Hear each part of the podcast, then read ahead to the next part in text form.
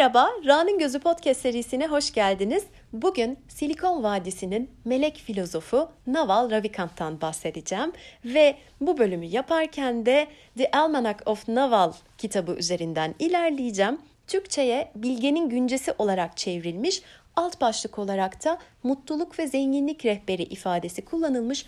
Ancak bu kitap e, bu ifadenin çok daha ötesinde e, psikoloji, sosyoloji, sağlık, ruhsal, fiziksel, zihinsel sağlık, meditasyon, spiritüellik gibi birçok konuya değiniyor. Ben çok sevdim okurken çok ilham aldım. Naval zaten yani bir insan olarak, varlık olarak bence çok ilham veren ve bunu da çok cömertçe paylaşan, bildiklerini, yaşadıklarını, tecrübelerini, önerilerini çok cömertçe paylaşan biri. Biraz ondan bahsedeyim, hayat hikayesinden bahsedeyim. Ee, kendisi Hindistan'dan Amerika'ya göç eden yoksul bir ailenin çocuğu. Anne babası Naval çok küçükken ayrılmışlar. Annesi iki çocuğuna bakabilmek, onları büyütebilmek için e, çok zor koşullarda çalışıyor. Çok geç saatlere kadar çalışıyor. Ve Naval'da küçük yaşta hem kendine yetmek hem kardeşiyle de ilgilenmek zorunda kalıyor. En çok zaman geçirdiği yer kütüphane. Çok okuyor. Kütüphane kapanana kadar annesi de işten çıkıp onu alana kadar orada zaman geçiriyor. Ne bulursa okuyor. Çok küçük yaşta çalışmaya başlıyor. Çok çeşitli işler yapıyor. Bulaşık yıkamaktan gazete dağıtmaya kadar e, gibi gibi. Şimdi ben çok detay detay anlatmayacağım ama buradan bakınca oldukça zor görünen bir hayat var. Ama kendisi bunu asla öyle yorumlamıyor.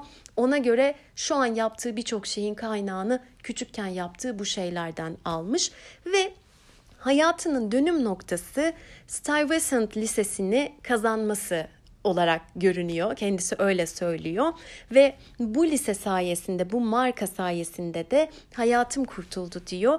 Bu lisenin referansıyla iyi bir üniversitede eğitim alma şansı buluyor. Ekonomi ve bilgisayar mühendisliği okuyor. Şimdi ise çok ünlü ve başarılı bir girişimci ve yatırımcı. Burada oldukça özet geçiyorum, detaylara girmiyorum. Yoksa bu bölümü sadece Naval nereye yatırım yapmış, hangi girişimlerde bulunmuş, sonra ne yapmış, orayı nasıl dönüştürmüş gibi gibi bir şeyle harcayacağız. O yüzden çok merak eden Google'a sorabilir.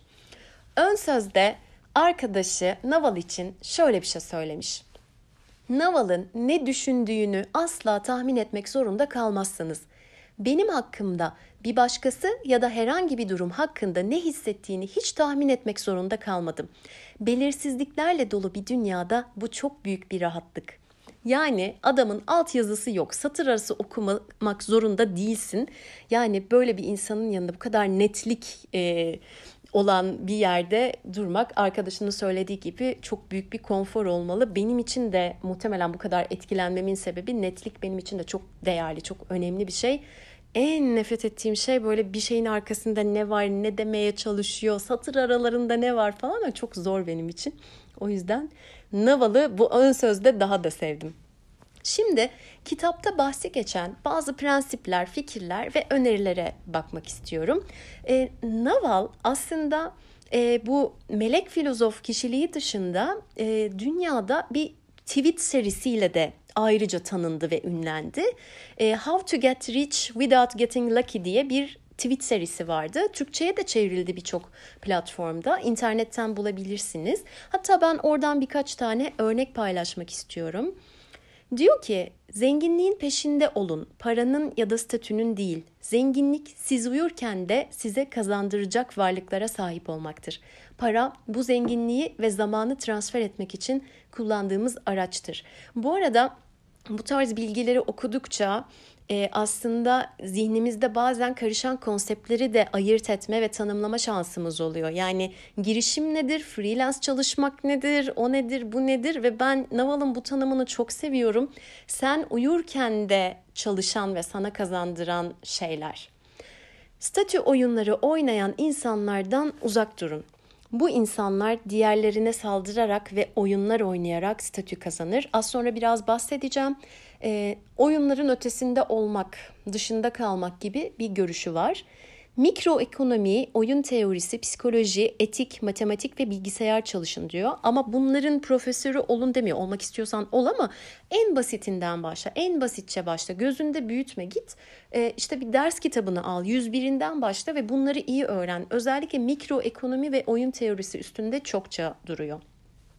Zamanınızı başkasına kiralayarak zengin olamazsınız. Yani burada az önce bahsettiğim gibi işte maaşlı işler ve freelance işlerden bahsediyor. Yani bunun ötesine geçmekten bahsediyor.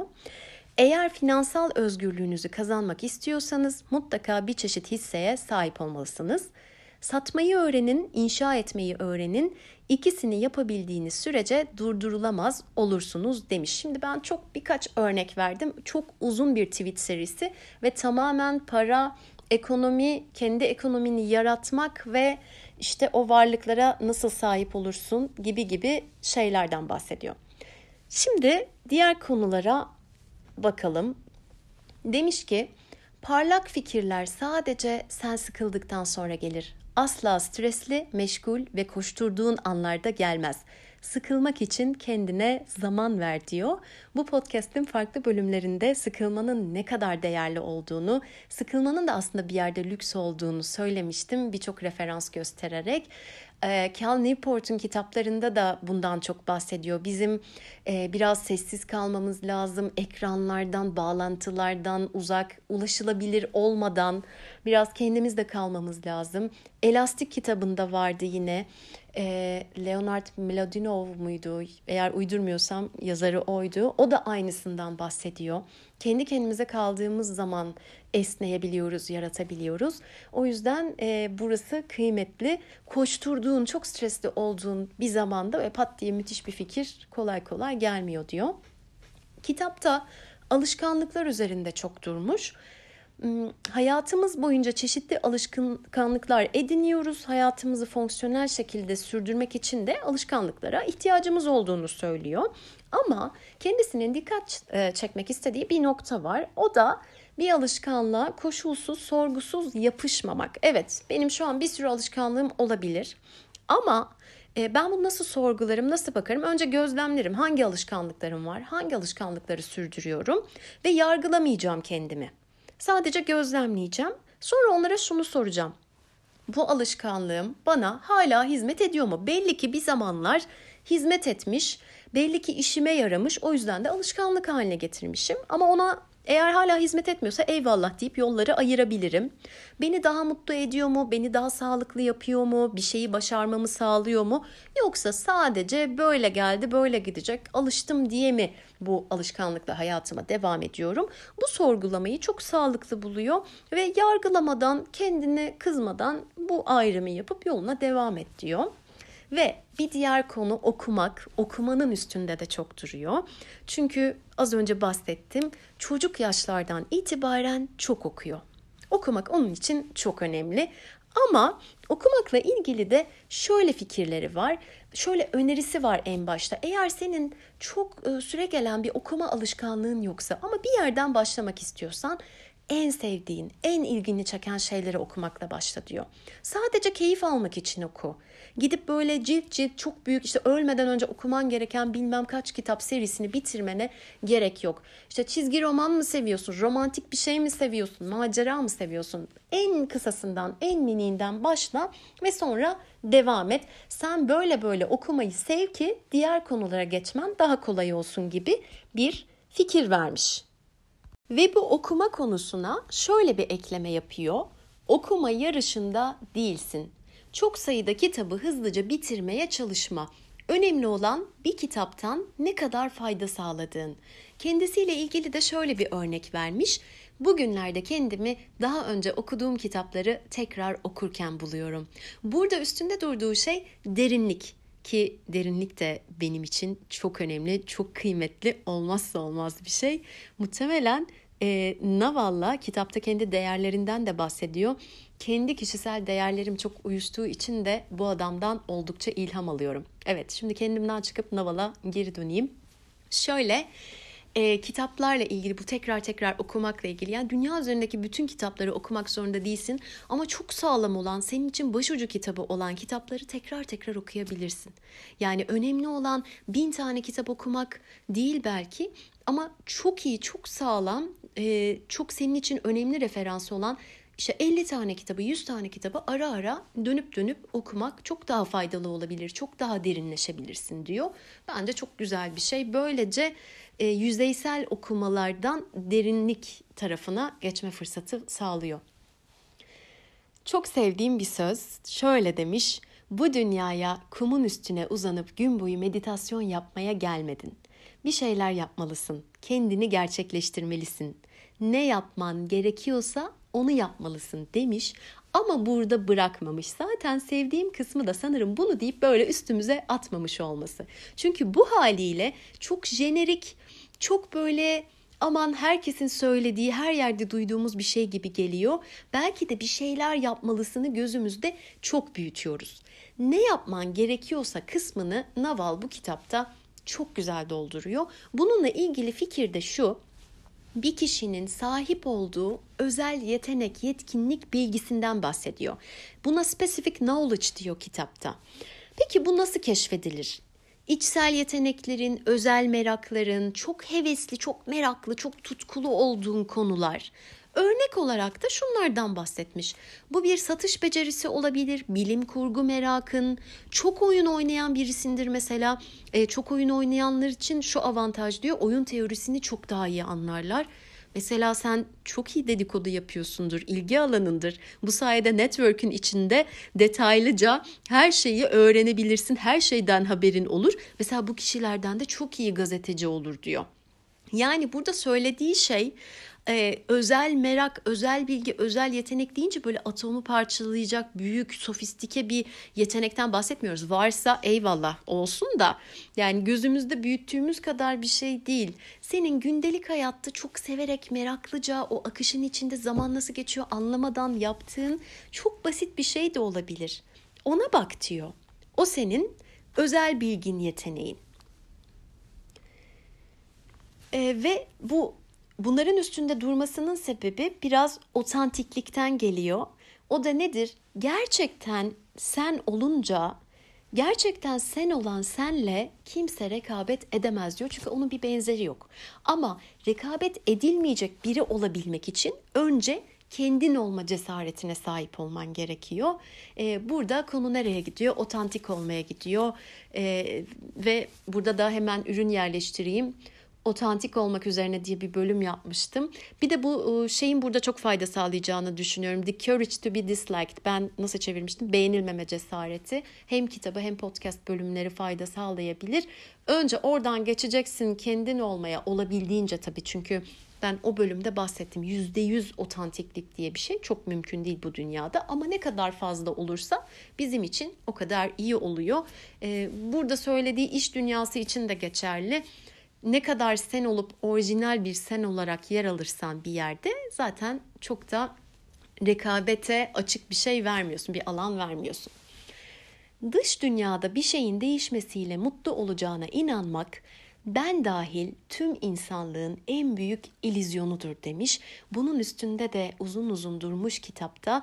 Eğer sen şöyle bir şey olacak sonra mutlu olacağım şöyle bir şey gelecek sonra mutlu olacağım. Şunu başaracağım, mutlu olacağım. Şu beni sevecek, mutlu olacağım gibi inanç kalıplarına sahipsen önce onlarla yüzleşip onlarla e, bir yol bulman gerekiyor. Yani o çemberden çıkmak için çünkü bu kendisinin de söylediği gibi çok büyük bir illüzyon. E, Happiness Advantage diye bir kitap vardı Sean Ecker'ın e, Mutluluk Avantajı diye çevrilmişti. E, o kitapta da bununla ilgili çok güzel akademik bilgilerle gündelik bilgileri birleştirerek çok güzel bir dilde anlatmıştı Sean Ecker. Onu da sanırım pozitif psikolojiyle birleştirerek bir bölüm yapmıştım. E, bence çok önemli bir öğreti bu. Yani dışarıdan gelecek bir şeyle mutlu olacağım, ondan sonra rahat edeceğim falan gibi bir fikir insanı gerçekten çok kilitliyor. İnsanın probleminin asıl kaynağı şudur tek başına bir odada sessizce oturamamak. Ve eğer 30 dakika sessizce oturabiliyorsan kendinle hiçbir şey yapmadan Ve bununla okeysen, huzurluysan bana göre başarılısın demiş. Çünkü Naval diyor ki bir insanın ulaşacağı en güçlü nokta budur. Güç budur yani. Ee, ve e, meditasyon içinde şunu söylemiş. Nasıl ki beslenmede hani bu intermittent e, fasting dedikleri bu aralıklı oruç çok sağlıklıysa meditasyon da zihnin orucudur. Ama Orada da bizi kalıplara sokmuyor. Yani bir sahilde bir tane yoga matını açıp ellerini şöyle böyle yapıp tabii şu an benim yaptığım şeyleri siz göremiyorsunuz ama herkes hayal etsin. Böyle denize bakarak saatlerce durmakla sınırlandırmıyor. Tabii onu da yapmak isteyen yapsın. Sen hobi olarak yine yap ama işte yürüyüş, günlük tutmak, dua etmek, duş almak, sessizce oturmak bunların hepsi farklı farklı meditasyon çeşitleri. Ve bir tane life hack demiş bir şey. Yani hayatını hackleyecek bir bilgi, kendini hackleyecek. Diyor ki yataktayken gece yatağa yattığın zaman meditasyon yap. Eğer uykun gelmez, uyumazsan meditasyonuna devam ediyor olursun. Meditasyon yaparken de uykun gelip uyursan da güzelce, sakince, huzurluca uyumuş olursun. Yani kazan kazan bir anlaşma kendinle. Bence çok başarılı bir teklif. Ve huzur ve mutluluk konusuna geldik. Diyor ki huzur mutluluğun dinlenme modudur. Mutluluk huzurun harekete geçmiş versiyonudur. Genel olarak ihtiyacımız olan şey huzur. Burada huzur dediği iç huzurumuz. Huzurluysan her ne yaparsan o senin için mutlu bir aktivite olur. Yani huzursuz olunca da aslında tam tersi oluyor. Sen iç huzurun varsa yani ufak bir işte market alışverişi bile, evinde yaptığın güzel bir kahve bile böyle seni mutlu eder. Ama tam tersi huzursuzsan en güzel aktivitelerin dışarıdan en güzel görünen aktivitelerin içinde olsan da zaten için içini yer. Bir durum karşısında her zaman üç seçeneğin var diyor. Bir, durumu değiştirmek. iki kabul etmek. Üç, terk etmek ya da bırakmak. Mesela örnek. Şirkete yeni bir genel müdür geldi ve senin için çok çok ters bir profil. Çok mutsuz oldun o geldiği zaman. Ve bu üç seçeneğe bakalım. Bu arada şu anda bu senaryoyu ben uyduruyorum. Naval'ın haberi yok. Birinci senaryo değiştirmek. Nasıl değiştirirsin? Ee, yani bunu da ben öğretmeyeceğim. Çeşitli saray entrikalarıyla adamın ayağını kaydırabilirsin. İki, kabul etmek. Ya ne yapalım artık? Genel müdür bu adam ve bununla çalışmak zorundayım. Ya da okey ne yapalım? Gerçek bu. Ben bununla nasıl başa çıkacağım ya da nasıl stratejilerle ilerleyeceğim deyip yoluna bakmak. Üç, terk etmek orayı. Yani ben bu adamla devam edemeyeceğim ve bu işten ayrılacağım, istifamı veririm, e, veririm, giderim buradan diye. Peki Tüm bunların dışında kalan en kötü seçenek nedir diye sorduğumuz zaman Naval şöyle açıklıyor. Hiçbir şey yapmadan, bir şeyleri değiştirmek için çabalamadan durmak, bırakabilmeyi istemek ama bırakamamak ama durumu kabul de etmemek. Yani şu Amerikalıların stuck dedikleri takılıp saplanıp kaldığın böyle bir çamura batmışsın gibi bir ruh hali. Bu pozisyonda genel olarak yaşama dair hoşnutsuzluğumuzun, isteksizliğimizin ve hayatla olan kavgamızın sebebidir demiş. Aslında bölümü burada bırakıp gidebilirim. Yani bu bu bence şey en üst nokta. Dağın tepesine çıktık. Artık kendinizi bırakın oradan. ve yine çarpıcı bir bölüm. Doktorlar seni sağlıklı yapmaz. Diyetisyenler seni zayıflatmaz. Öğretmenler seni daha akıllı yapmaz. Gurular seni sakinleştirmez. Mentörler seni zengin yapmaz. Spor hocaları seni fit yapmaz. O zaman sorumluluk almak zorundasın demiş. E yani rasocum kaldın bana ki kendisi buna alışkın. Gerçek kazananlar tamamen oyunun dışında kalabilenlerdir demiş. Burada oyun dediğini biraz sistem olarak düşünebiliriz. Ve hatta oyunu hiç oynamayanlar. Onlar için kazanmak kaybetmek diye bir şey yoktur. Bir şey de ifade etmez bu kazanmak kaybetmek konseptleri. Ben de tam bu noktada Naval'a ve tüm Naval sevenlere Duman'ın Ah şarkısını e, göndermek istiyorum ama e, Nejat İşler cover versiyonu olacak. öyle bir şartım var. Çünkü o şarkının başında şey diyordu. Yarışmadı, yenilmedi, açık seçik sizle oynamadı, gerilmedi. Yani bir insan daha ne ister? Ee, diğer bir bölümünde şarkının da diyordu ki ah eğleniyor kendi başına, ah neşesi yeter. İşte böyle Naval artı Nejat İşler bu şarkı tamam. Bir tane soru soruyor. Dünyanın en iyi aşığı olup en kötü aşığı olarak mı bilinmek isterdin? Yoksa en kötü aşığı olup en iyisi olarak mı bilinmek mi? Bu soruya verdiğin cevap şunu belirliyor. Skor kartların içsel mi, dışsal mı? Ve şunu eklemiş. Aslında esasında tüm skor kartları içseldir. Bence çok güzel bir test bu. İnsanın kendisine sorması ve cevaplaması biraz zor ama yani gerçeğiyle yüzleşmek için ben hangisiyim? Benim dünyamda bu ne demek? Çok sağlam bir test. Kendi hayatından kıskançlıkla ilgili yani bir bölüm ilgimi çekti. Onunla ilgili yaşadığı bir aydınlanma daha doğrusu. Şimdi diyor ki belli yaşlarda herkesin bir şeyini kıskanıyordum. İşte birinin başarısını, birinin vücudunu, birinin saçını vesaire vesaire. Ama bu kıskançlık olayından şöyle sıyrılmış. Durmuş düşünmüş demiş ki Şimdi ben herkeste farklı bir şey beğeniyorum. Yani bir kişinin her şeyini kıskanmıyorum. Peki bu kıskandığım kişilerin tüm hayatına sahip olmak yani o kişinin tamamen kendisi olmak ister miydim diyor. O paketin içinde acılar var, hastalıklar var, başarısızlıklar var, göstermediği şeyler de var ve buna cevabı kesinlikle hayır olunca kıskançlık konusundan böyle sıyrılıp uzaklaşmış ve şey diyor yani kıskançlık çok zor bir şey, aşılması çok zor bir şey ama bu şekilde kendine yaklaşırsan biraz bilinçli, farkındalıklı çabayla buradan çıkış var. Ee, Leyla Navarro'nun e, Haset ve Rekabet kitabını bölüm yapmıştım. Kitap da çok başarılı. Gerçekten bu kıskançlık nedir, haset nedir? Peki onun bizde yarattığı duyguları, enerjileri nasıl kendimiz için en iyi şekilde dönüştürürüz için güzel bir rehber.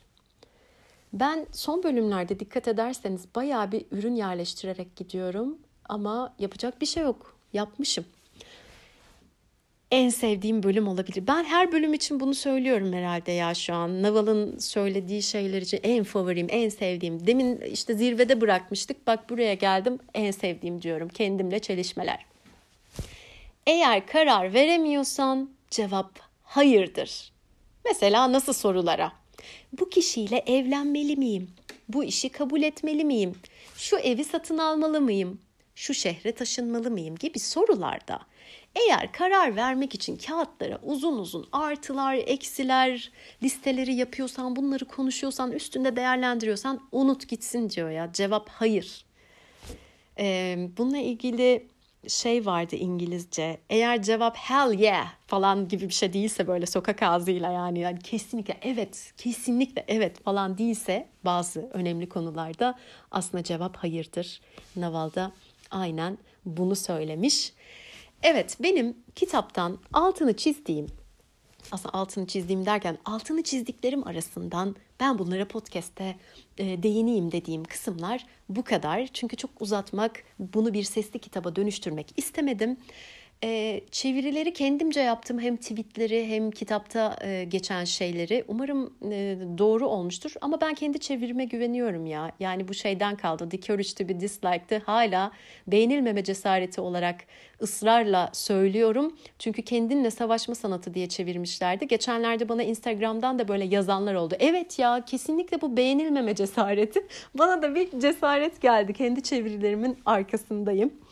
E, bence okunursa güzel olur. Çünkü benim burada bahsedemediğim birçok konuda çok detay, çok güzel bilgiler var. Ekonomiyle ilgileniyorsan, felsefeyle ilgileniyorsan, psikolojiyle ilgileniyorsan, e, girişimcilik, yatırımcılıkla ilgileniyorsan bence bu kitabı okumalısın diyerek bu bölümü burada bitiriyorum. Sonraki bölümlerde görüşmek üzere. Hoşçakalın.